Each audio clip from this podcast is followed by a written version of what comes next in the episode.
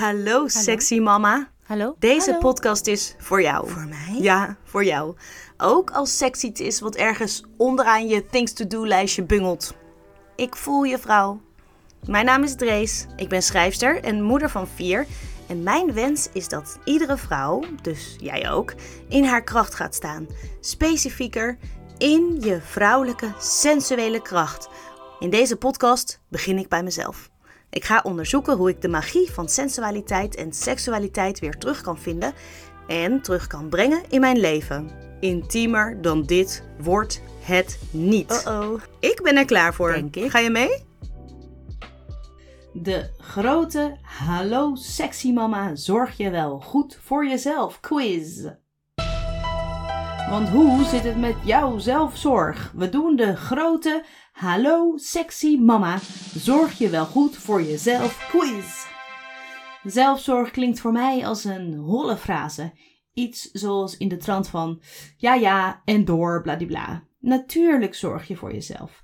Net zoiets als zelfliefde. Wat me stoort is iedereen praat erover, maar de meeste vrouwen zijn nog altijd beter in zichzelf klein maken, zichzelf afzeiken en vooral niet liefdevol over zichzelf praten.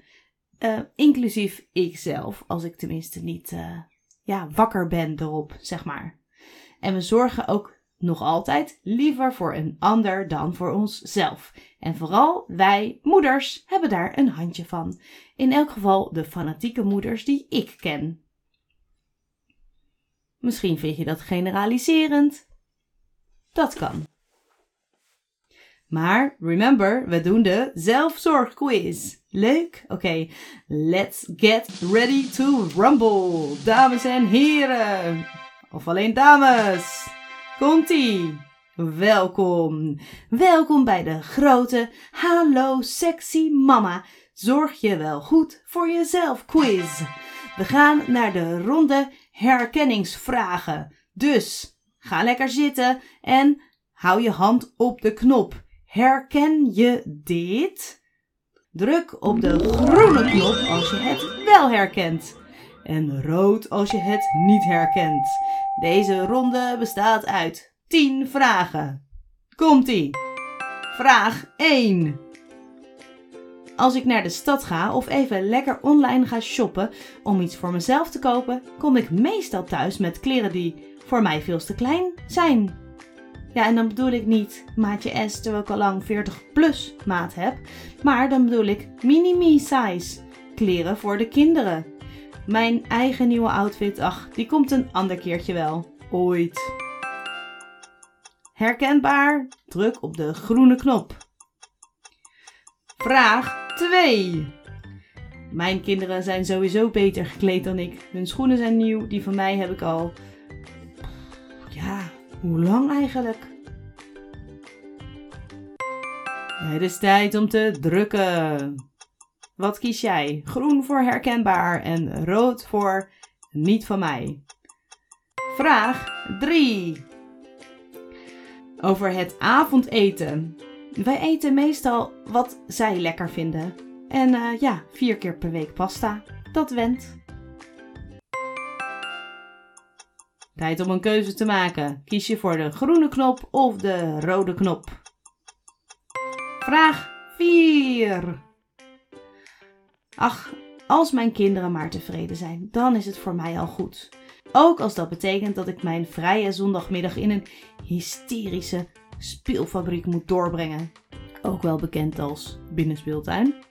Of als dat betekent dat ik mijn kind nog 80 keer moet duwen op de schommel. Herkenbaar? Kies nu. Vraag 5. Mijn thee, die drink ik meestal koud. Dat is het lot van een moeder, toch?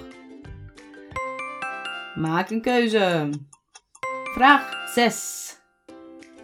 Ja, soms dan begin ik wel aan iets voor mezelf, maar ik maak het meestal niet af. Ehm, onlangs nog deed ik de douche aan om even een kwartiertje in mijn eentje te quality timen, oftewel eh, douchen.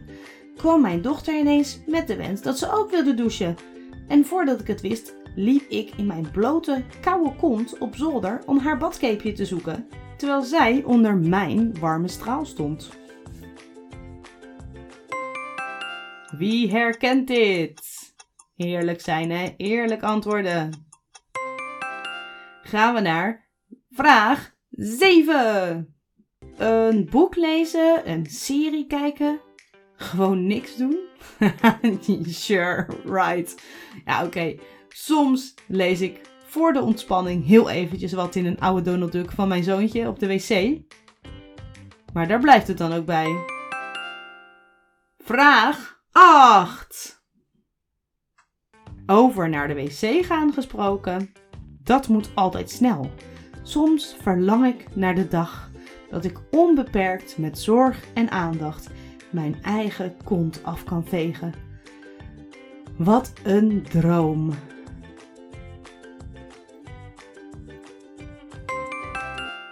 Vraag 9.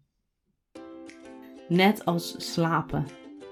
Ononderbroken nachten hoort tot een ander tijdperk. 8 uur slaap, vervlogen tijden.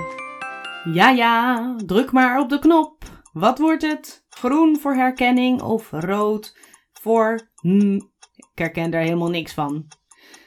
En dan gaan we alweer, lieve vrouwen, ga er maar goed voor zitten, naar de laatste vraag. En die gaat over, je raadt het al, seks. Seks? Hmm.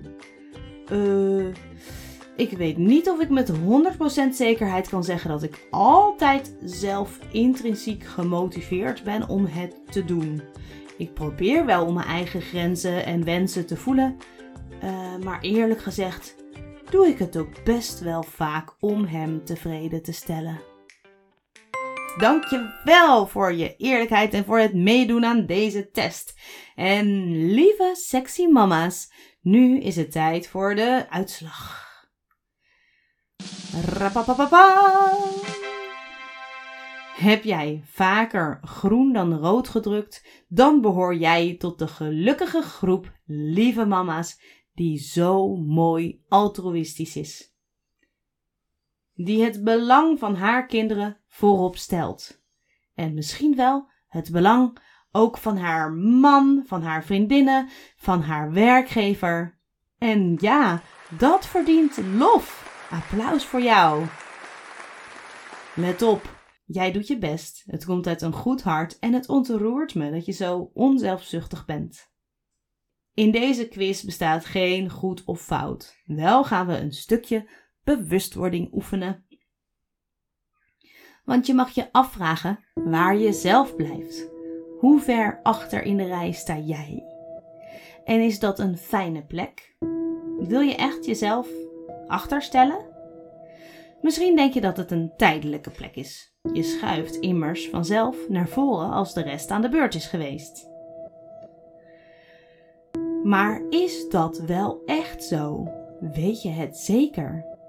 Of ben jij een things to do geworden die onderaan je eigen lijstje bungelt? Vergeet niet, jij bent degene die zelf dat things to do lijstje maakt, hè? Jij kiest zelf op welke plek jij jezelf zet. En ja, tuurlijk, er zijn periodes in je leven dat een ander zoveel van je nodig heeft dat het niet makkelijk is om jezelf prioriteit te geven. Bijvoorbeeld als je kinderen heel erg klein zijn of als je moeder jouw mantelzorg nodig heeft omdat ze vreselijk ziek is. I get it. En in die periodes van je leven kun je dit misschien niet goed horen, maar toch is het waar. Als jij niet goed voor jezelf zorgt, dan kun je onvoldoende beschikbaar zijn voor een ander. Als jij niet goed voor jezelf zorgt, wie doet het dan wel? Als jij niet goed voor jezelf zorgt, wat kost het je dan om voor een ander te zorgen? Als je niet goed voor jezelf zorgt, waar haal je het dan vandaan? Uit welk vaatje kun je tappen? En als jij niet goed voor jezelf zorgt, wat leef je dan je kinderen voor? Als het gaat over eigenwaarde. Oké, ik denk dat je mijn punt wel begrijpt, toch? Ik schat je in als een slimme vrouw. Sterker nog, Ik weet zeker dat je een slimme vrouw bent. Een slimme, sexy mama. Ik hoorde laatst iemand, het was uh, sexpert Kim Anami, om precies te zijn. En zij had het erover dat ouders de batterij zijn. De bron van energie waar de rest van het gezin zich aan kan opladen. En ik denk dat ze gelijk heeft. Dus zorg ervoor dat jouw batterijtje vol blijft. Niet helemaal laten leeglopen en dan één keer per week een nachtje aan de oplader, maar regelmatig even aftoppen. Als een jeneverglaasje, hè? Waar altijd een kop op hoort te zitten. En dan, lieve vrouwen, de uitslag als je vaker rood dan groen hebt gedrukt. Gefeliciteerd. Jij herkent je niet in mijn zelfzorgtekorten. Dat is echt mooi voor jou. Waarom luister je eigenlijk nog? Je bent welkom hoor. En ik ben benieuwd of je niet hebt vals gespeeld. Bedankt dat je hebt geluisterd. Vond je het leuk? Heb je ervan genoten? Vond je het stiekem misschien een beetje awkward? Gênant? Interessant? Grappig? Laat het weten. En vooral, als je dit tof vindt, abonneer je dan op deze podcast. En natuurlijk kun je me ook volgen op social media. Ik zit op eh, Facebook en Instagram.